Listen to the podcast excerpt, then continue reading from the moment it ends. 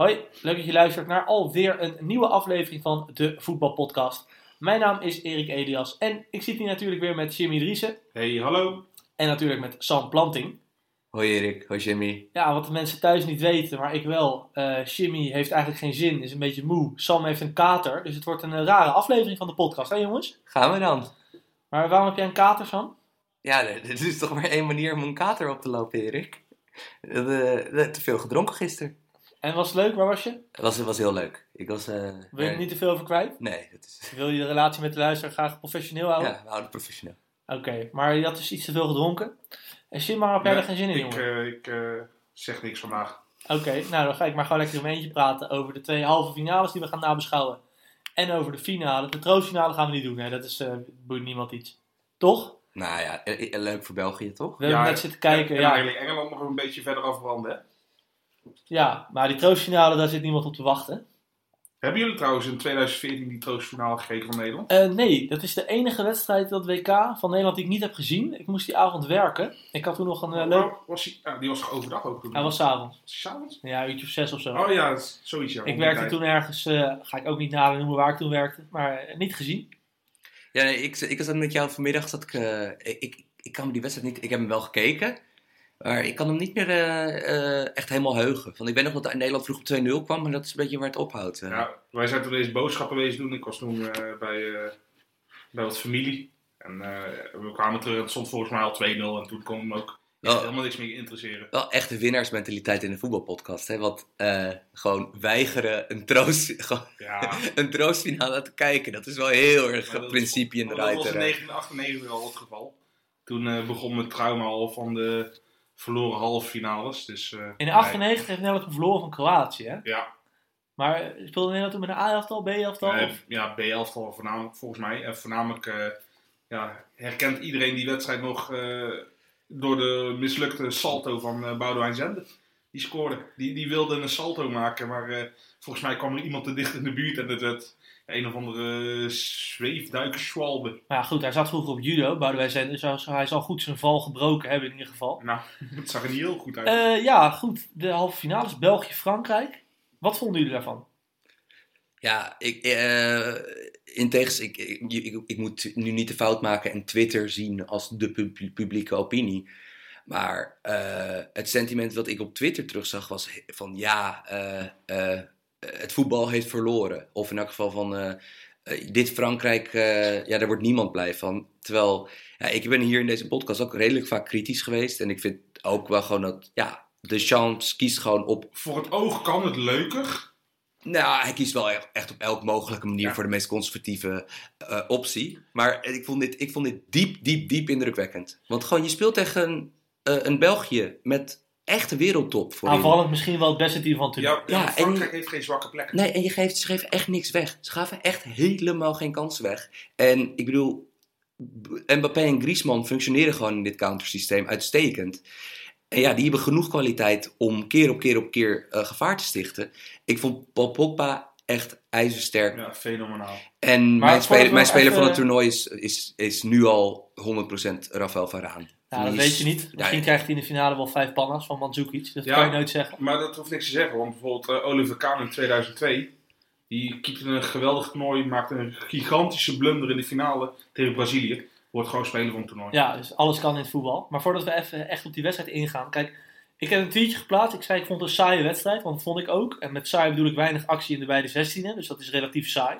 Kan je nog wel genieten van ja, hoe goed Frankrijk het heeft weggezet verdedigend. Dat is ook zo. Tegelijkertijd, ja, ik word er toch, als je het hebt over was dit een leuke, spannende wedstrijd? Nee. Maar kan ik genieten van hoe goed Frankrijk verdedigend is? Zeker voor een landenteam? Ja. Maar ik, ik herken niet helemaal dat je zei van het sentiment was dat mensen het saai vonden. Ik bedoel, op Twitter heb ik wel gelezen dat mensen het leuk vonden vaak. Nee. Nee, bij mij eh, Nee. overigens ook wel een beetje, ja, althans niet bij mij persoonlijk, maar bij mij in mijn tijdlijn en wat ik zo zag, was ook wel inderdaad eh, van, eh, Ja, ja, het voetbal heeft verloren. nou, Frankrijk die geeft dus gewoon helemaal niks weg tegen België, wat Sam eh, ja, terecht zegt. Wat had België nou wel nodig gehad om wel tot doelgevaar te kunnen komen? eh, om iets heel lulligs te zeggen, betere spelers. Ja? Want, Op welke eh, plekken bijvoorbeeld?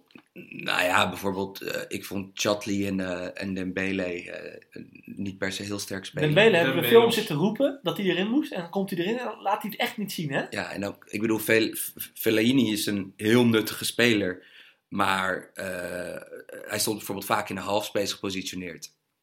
Ja, dan heb je dus iemand op een waardevolle plek op het veld staan.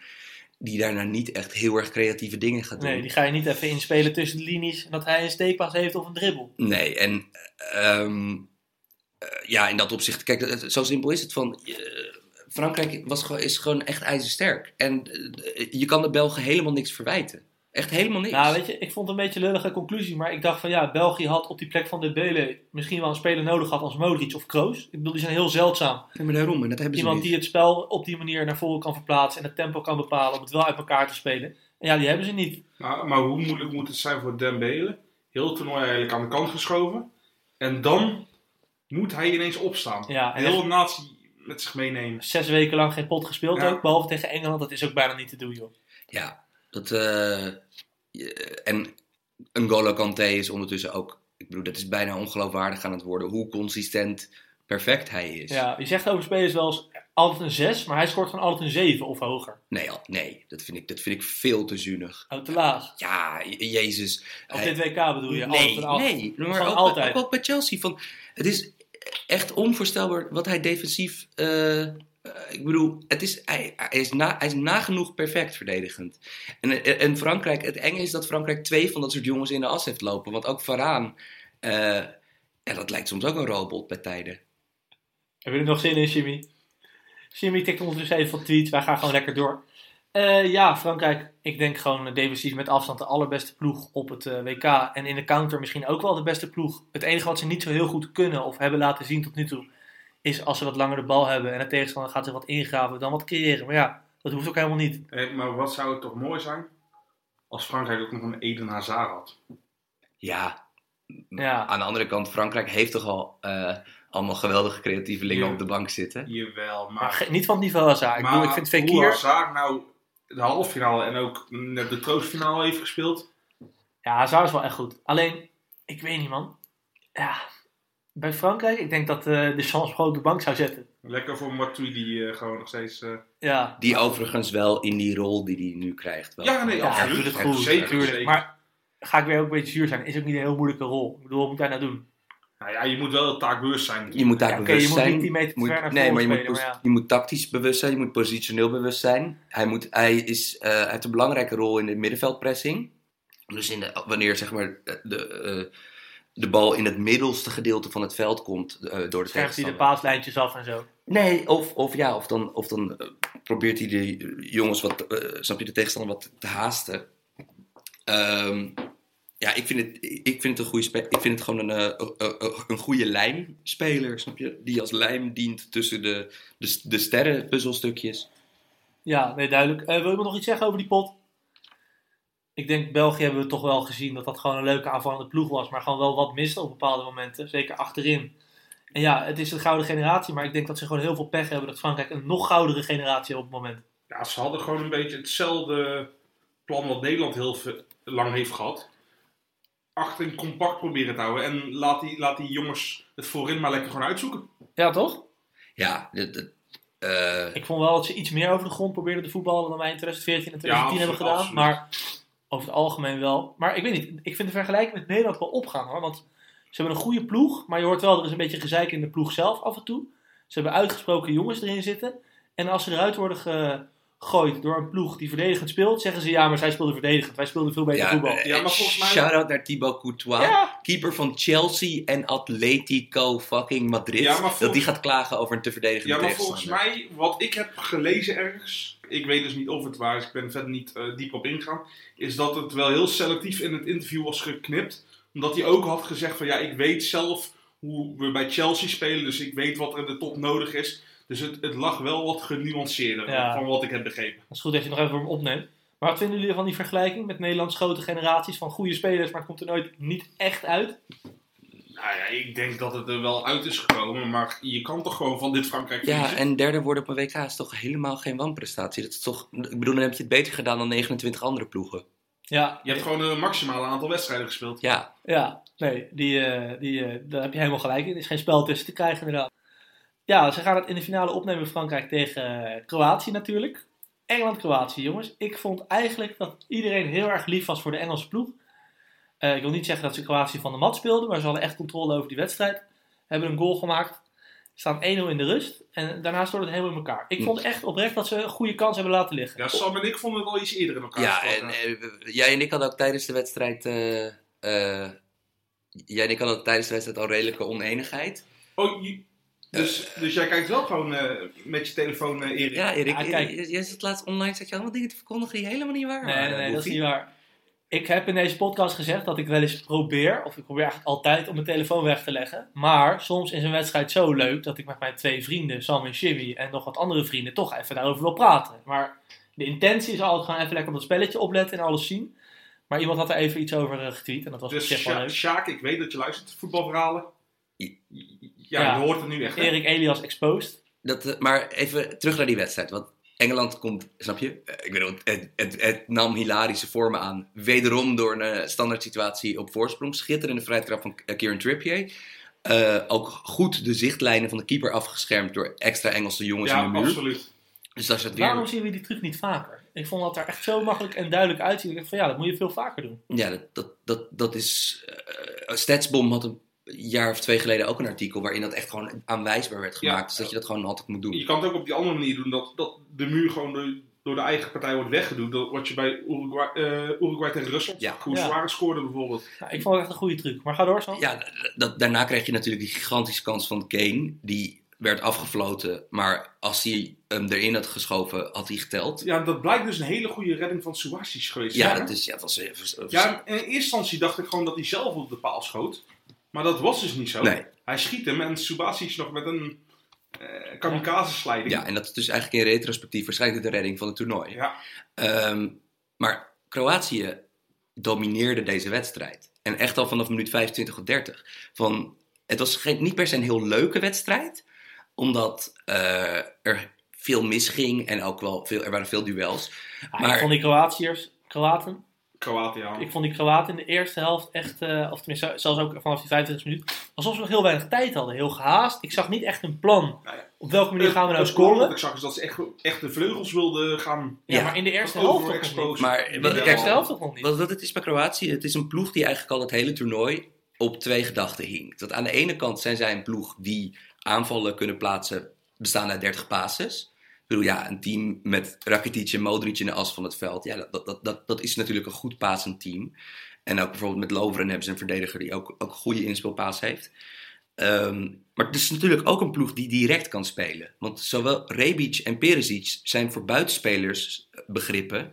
Dat zijn enorm fysieke jongens. En dan Ja, bedoel ik niet per kan- se snel, maar je, kan, sterk. je kan een prima crosspaas op zich geven. Precies. En Dus je- je kan een- ja, precies. en- zodat de centrale verdedigers niet Modric of Rakitic inspelen, maar gelijk die iets langere bal ja, en je hebt natuurlijk met Mandzukic, Mandzukic. Mandzukic heb je misschien wel een van de beste aanvallende koppers ter wereld. Ehm, dus in dat geval, dat, eh, Kroatië leek inderdaad iets directer te, te, te spelen in de eerste helft.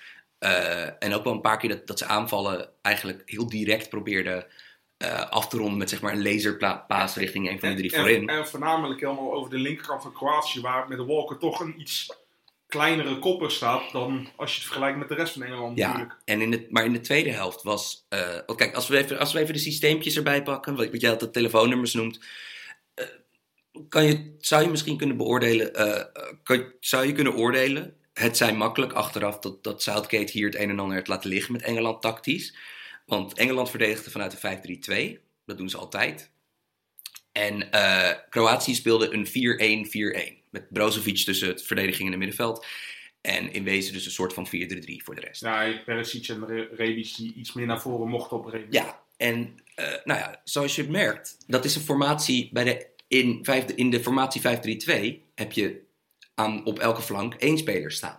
In de formatie 4-1-4-1 heb je, er beide, heb je op, op, in beide linies twee, eh, of op beide flanken heb je twee jongens staan. In principe zelfs nog ook drie als een Modric nog eh, naar de zijkant uitzakt en nog een Verjalco eroverheen komt. Precies. En, daar de driehoekjes. En dat deden ze soms. Ja. en dus de breedte in het veld, eh want dus Engeland moest elke keer wanneer eh Verjalco de rechtsback of Strinic de linksback werd aangespeeld, eh, met een crosspaas, moesten zij elke keer eh, moesten die backs uitstappen en eh, de rest van de verdediging doorschuiven naar die kant. En dan sta, sta je dus tijdelijk te verdedigen in een 4-4-2. Maar ja, dat is moeilijk. Want ik bedoel, die afstanden die je moet overbruggen, dat wordt, als, dat wordt, afstanden worden veel te groot. ja, dat wordt dus al snel 15 meter voor die back die die dan moet uitstappen. En je zag gewoon dat, zeker over rechts, waar Verjalco echt een heel goed toernooi speelt, vind ik. eh, dat gewoon daar heel vaak ruimte op kwam. En dat dus op de rechterkant dat Verjalco heel vaak vrij kwam. En vervolgens dat de crosspaas op Perisic op links, die in de tweede helft een van de betere individuele helften van het toernooi speelde. Want hij was echt zo dominant, eh, zowel in duels als met individuele acties. Eh, ja, dat, dat, dat, dat, dat Engeland ja, echt op het middenveld heel erg in de breedte werd geklopt. Ja, want, want aanvallend vanuit de Engelse kant kwam er op links helemaal niks Nee, door. maar het hele toernooi al niet. Maar inderdaad, van, ik dacht op een gegeven moment dat, ja, Southgate moet dat ook gezien hebben. Dat hij dacht van, nou weet je, laat ze dan maar die voorzet geven. En dan ruimen we die voorzet wel op. Want we hebben Maguire, we hebben Stones, en Ja. noem maar op. Ja. Ja, we hebben gezien wat daar is. Zij, eh, Kroatië denk- heeft een prima luchtmacht. al, ja, inderdaad. Maar ik denk, als Southgate het heeft gezien, dat heeft hij. Dat hij het risico heeft genomen van, nou oké, dan komen die voorzetten maar. En dan ruimen we die wel op. Met Stones en Maguire en noem maar op. Alleen ja, dat was niet zo. Want de 1-1 was een voorzet van de rechterkant. En Walker wordt geklopt door Perisic gevaarlijk spel, ja of nee. Kan je Nee. nog roepen? Ja, ik Nee. weet niet. Nee. Nee. Maar dan nog Hij, steeds hij mag, werkt hem heel goed af. maar hè? dan nog steeds mag het niet gebeuren voor Engeland. Stond- stonden volgens mij met vier man op een lijn. Ja. Terwijl er maar twee Kroaten voorin waren op dat moment volgens ja, mij. het stond 4 tegen 2. Ja. En de, de, de box was eh, goed gevuld. Maar ik vond na die 1-1, of we het nou wel of niet eens zijn over eh, hè, wie er beter was voor die goal. Na die 1-1 heeft Engeland echt in paniek gekomen. Zag je ze geen twee of drie passes meer achter elkaar geven. Nee.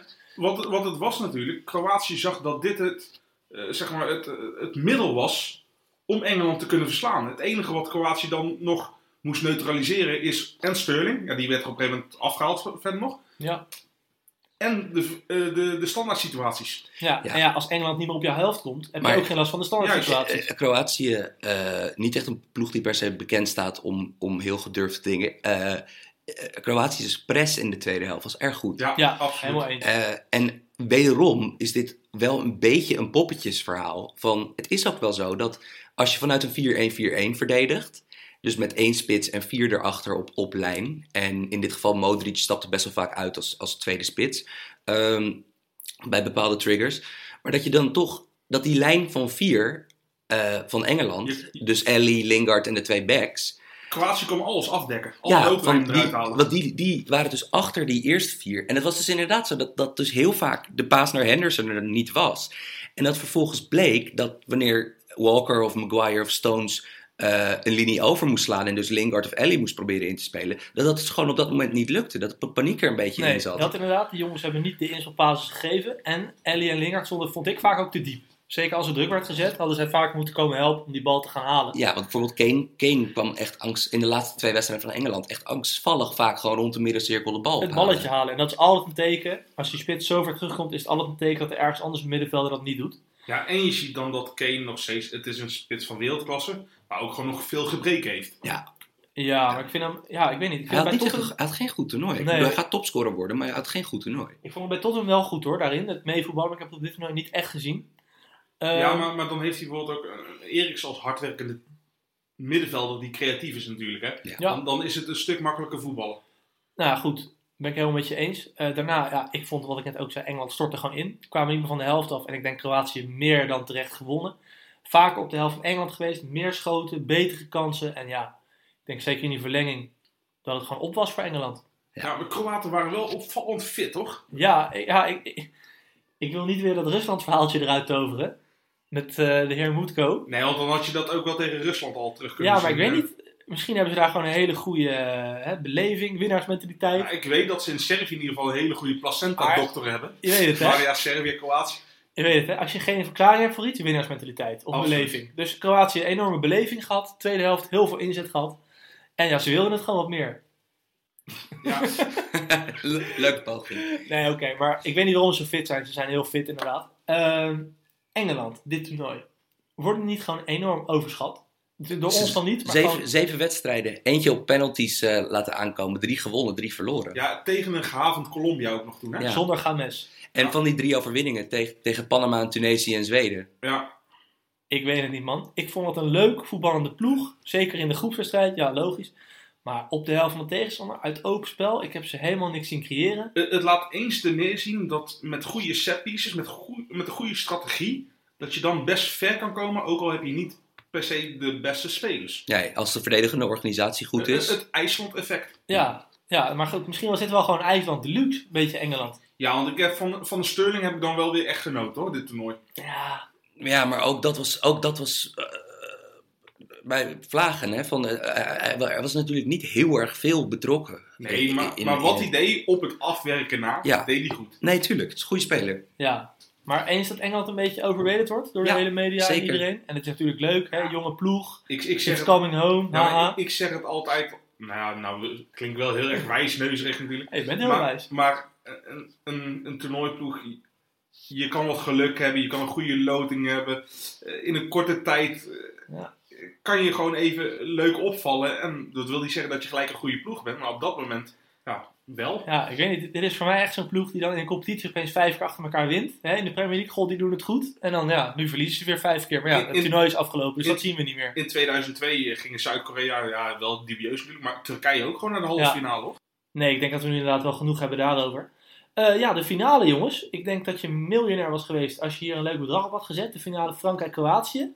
Ik zag op Twitter dat iemand het hele toernooi goed had voorspeld trouwens. Ja, maar dat, Dat vond ik was... een beetje fake ook, hoor. Nee, maar dat was op 1 juli en toen was bijvoorbeeld al de wedstrijd tussen Frankrijk en Uruguay volgens mij of zo al gespeeld. Dat zegt dus genoeg. In ieder geval eh, een finale die we niet aan hebben zien komen. Frankrijk-Kroatië. ja, heeft Kroatië kans, mannen? Vertel het me. Ja, als je in de finale staat heb je sowieso een Ja, kans. dat, bijvoorbeeld 538, eh, die Amerikaanse statistieken website, die had veel over... 538. Ja, ja maar, maar, maar dan goed.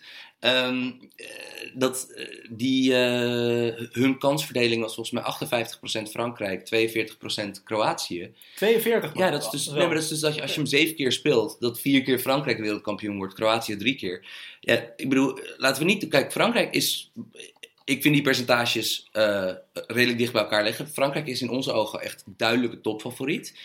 Eh, maar laten we ook niet doen alsof Kroatië kansloos is. Want dat is natuurlijk gewoon een echt qua individuele kwaliteit. Gewoon een heel goed team. Kijk eens even alleen al naar eh EK weer naar Portugal. Ook in de finale tegen Frankrijk. Ja, precies. Maar dat was, wel nog, ploeg. dat was wel een minder goed Frankrijk dan nu. Maar tegelijkertijd, Ja, maar Frankrijk was wel de favoriet helemaal toen Ronaldo nog geblesseerd ik ben uit. het helemaal met je eens dat Kroatië absoluut een kans heeft. Ik hoop dat ze niet te aanvallend gaan spelen. Dat ze niet in die, in die valtrappen van die Frankrijk voor altijd voor je opzet.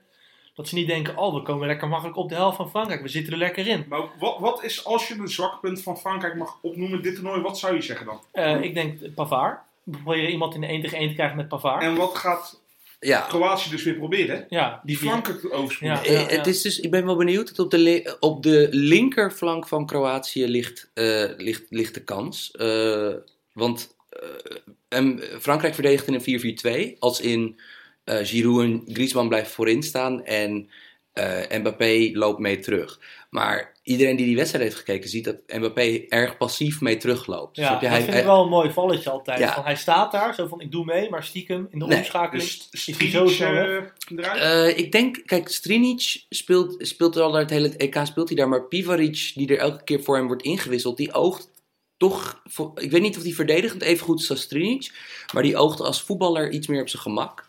Eh, en dus in dat opzicht, dus ja, als je Pavard op de een of andere manier weet te isoleren tegen Perisic, eh, Ook weer die snelle kantwissel dan, dat is dan belangrijk. Je bent op rechts, haalt hem er snel uit via Rakitic of zo. En dan heb je aan de andere kant een 1 tegen 1. Ja, maar bijvoorbeeld wat weer problematisch is voor Uruguay, of eh, sorry, Uruguay, voor Kroatië op die, op, op die, aan die linkerkant is van als je een back te aanvallend laat doen. eh, Vida is een gek. Ja, eh, speelde in de halve finale trouwens wel. maar kan, kan Ja. erg goed verdedigen, maar is natuurlijk niet, Niet hij- snel hij is niet wendbaar. snel. Nee. Terwijl zowel Griezmann, Griezmann man. heeft, heeft, heeft de weiging om, om, eh, om naar rechts uit te wijzen. Laat staan Mbappé, die natuurlijk, ja, dat is de snelste speler op aarde. Ja, Ja, op Van Beukering naar, maar maar Dat is dat waar. geheel terzijde. ik hoop maar één ding. Dat Frankrijk niet in het eerste half uur scoort. Dan hebben we nog een, een leuke kijkfinale. En ik, ik ben benieuwd wat voor plannetje de manager van Kroatië komt. Hij heeft het tegen Engeland redelijk goed omgezet in de rust. Dus wie weet verzint hij ook wel weer wat moois. En het zou me heel mooi lijken als het een beetje een gelijkwaardige wedstrijd wordt. Ja, maar, Het allerergste lijkt me dat Kroatië aanvalt in de achtste minuut of zo. Balverlies, boom, counter 1-0. Dan is die wedstrijd gewoon dood. Engeland kon je echt op een systeem ook zeg maar pakken en dat Ja. kon Southgate niet omzetten. Nee. Dat gebeurt dus niet met Frankrijk. Nee, en we hebben hier een hoop lopen zeiken op die Duchamp. Maar ja, hij heeft het wel zo neergezet dat het super effectief is. En het is niet leuk om te kijken. Maar ja, het is niet zijn verplichting aan ons om mooi voetbal voor te schotelen. Al denken wij dat soms als liefhebbers zijn, als liefhebbers. Ja, want als zijnde kan Als je- zijnde kan niet, dankjewel Jim. Je blijft natuurlijk een middelbare schoolleraar. En ja, ik, eh, ik weet niet man. Ik hoop dat Kroatië een mooi plannetje verzint. Maar ik denk dat Frankrijk gewoon vrij makkelijk gaat winnen. Ja, en eh, eh, speler van het toernooi, van wie, wie heeft nu de beste papieren volgens jullie? Nou, ik, ik, ik denk toch, omdat het zo dicht bij elkaar ligt, dat er niet één uitgesproken favoriet is. En ze beide in die finale staan, Varaan en eh Modric. Denk ik toch dat het zal gaan om degene wie de wereldkampioen Maar kijk, En wij zien dat- allemaal Varaan een heel goed toernooi spelen. En hij zou hem helemaal verdienen. Maar volgens mij werkt het gewoon zo niet. Volgens mij gaat hij altijd naar een aanval. Nee, Cannavaro, Ja, 2000. maar dat is ook alweer 12 jaar geleden. Ja. Het zou uitzonderlijk zijn. Hij verdient het in mijn Tuurlijk. ogen. Kan Kanté zou, Kanté. zou het ook verdienen? Maar, Ja, hij maar- gaat waarschijnlijk als Mbappé een goal maakt. Of Gries, nou, Griezmann heeft natuurlijk niet een toptoernooi gehad. Nee, maar bijvoorbeeld stel dat Griezmann nu een brace maakt. Ja, Ja. Maar Erik, je zegt ja, 2006 is heel lang geleden. Maar ja, het is ook niet zo dat een WK om het jaar is natuurlijk. Hè? Nee, dat is waar. Om de Dus- vier jaar toch? Ja, Ja, dat is inderdaad een goed punt. Eh, durven jullie je aan een voorspellingje te wagen? ja, tuurlijk. Want we zaten zo waar eigenlijk een keer met eh, beide wedstrijden goed. Ja, Jim en ik hadden naar het gokkantoor gemoeten. Weet We je hadden wat het helemaal is, goed. jongens? Jimmy beheert Twitter. Die, en die maakt op Twitter wel eens grappen dat wij de voorspellingen nooit goed hebben. Maar Ja. ga ze maar eens terugluisteren. In de groepen zaten we redelijk goed. Toen zaten we in de, in de achtste finale, Ja. kwartfinale, hadden we af en toe een missertje. Ik zat heel goed trouwens met Duitsland als eh eindoverwinnaar. Ja, nee, maar we hebben het echt, hè, Samba Tunesië door.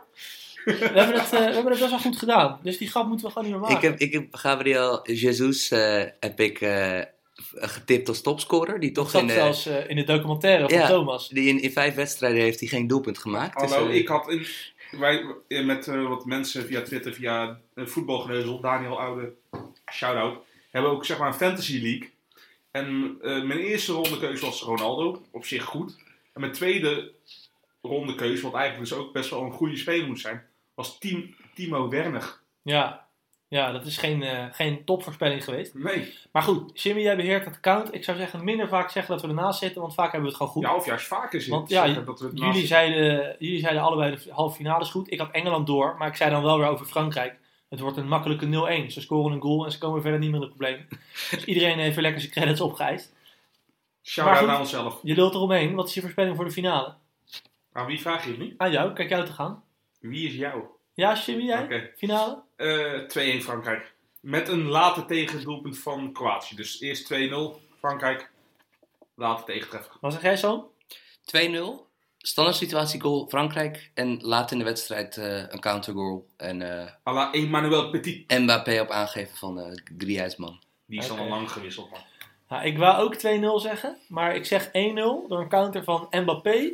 Die legt een breed op Giroud, die zijn eerste goal van. Nee, maar dat kan helemaal niet, want Jawel, Giroud jawel, is een stuk langzamer dan Mbappé. Maar Mbappé die start van verder. Komt helemaal goed. Als Mbappé zijn counter afmaakt, staat Giroud nog op de middenlijn. Komt helemaal goed. Giroud tikt hem binnen, 1-0, geven niks meer weg. En eh, ja, de gouden bal eh, is maar- binnen voor vooraan. Maar dan heeft Giroud gewoon meer gescoord dan mede-wereldkampioen Stefan Givars. Ja, het zou wel vet zijn inderdaad als dat gebeurt. Dat, Eh, hij, dat hij gewoon de winnende maakt, gewoon zijn enige doelpunt, gelijk het belangrijkste doelpunt van de veel toernooi is. Nee, dat zou inderdaad vet zijn. Ik denk niet dat het gaat gebeuren, maar wie weet.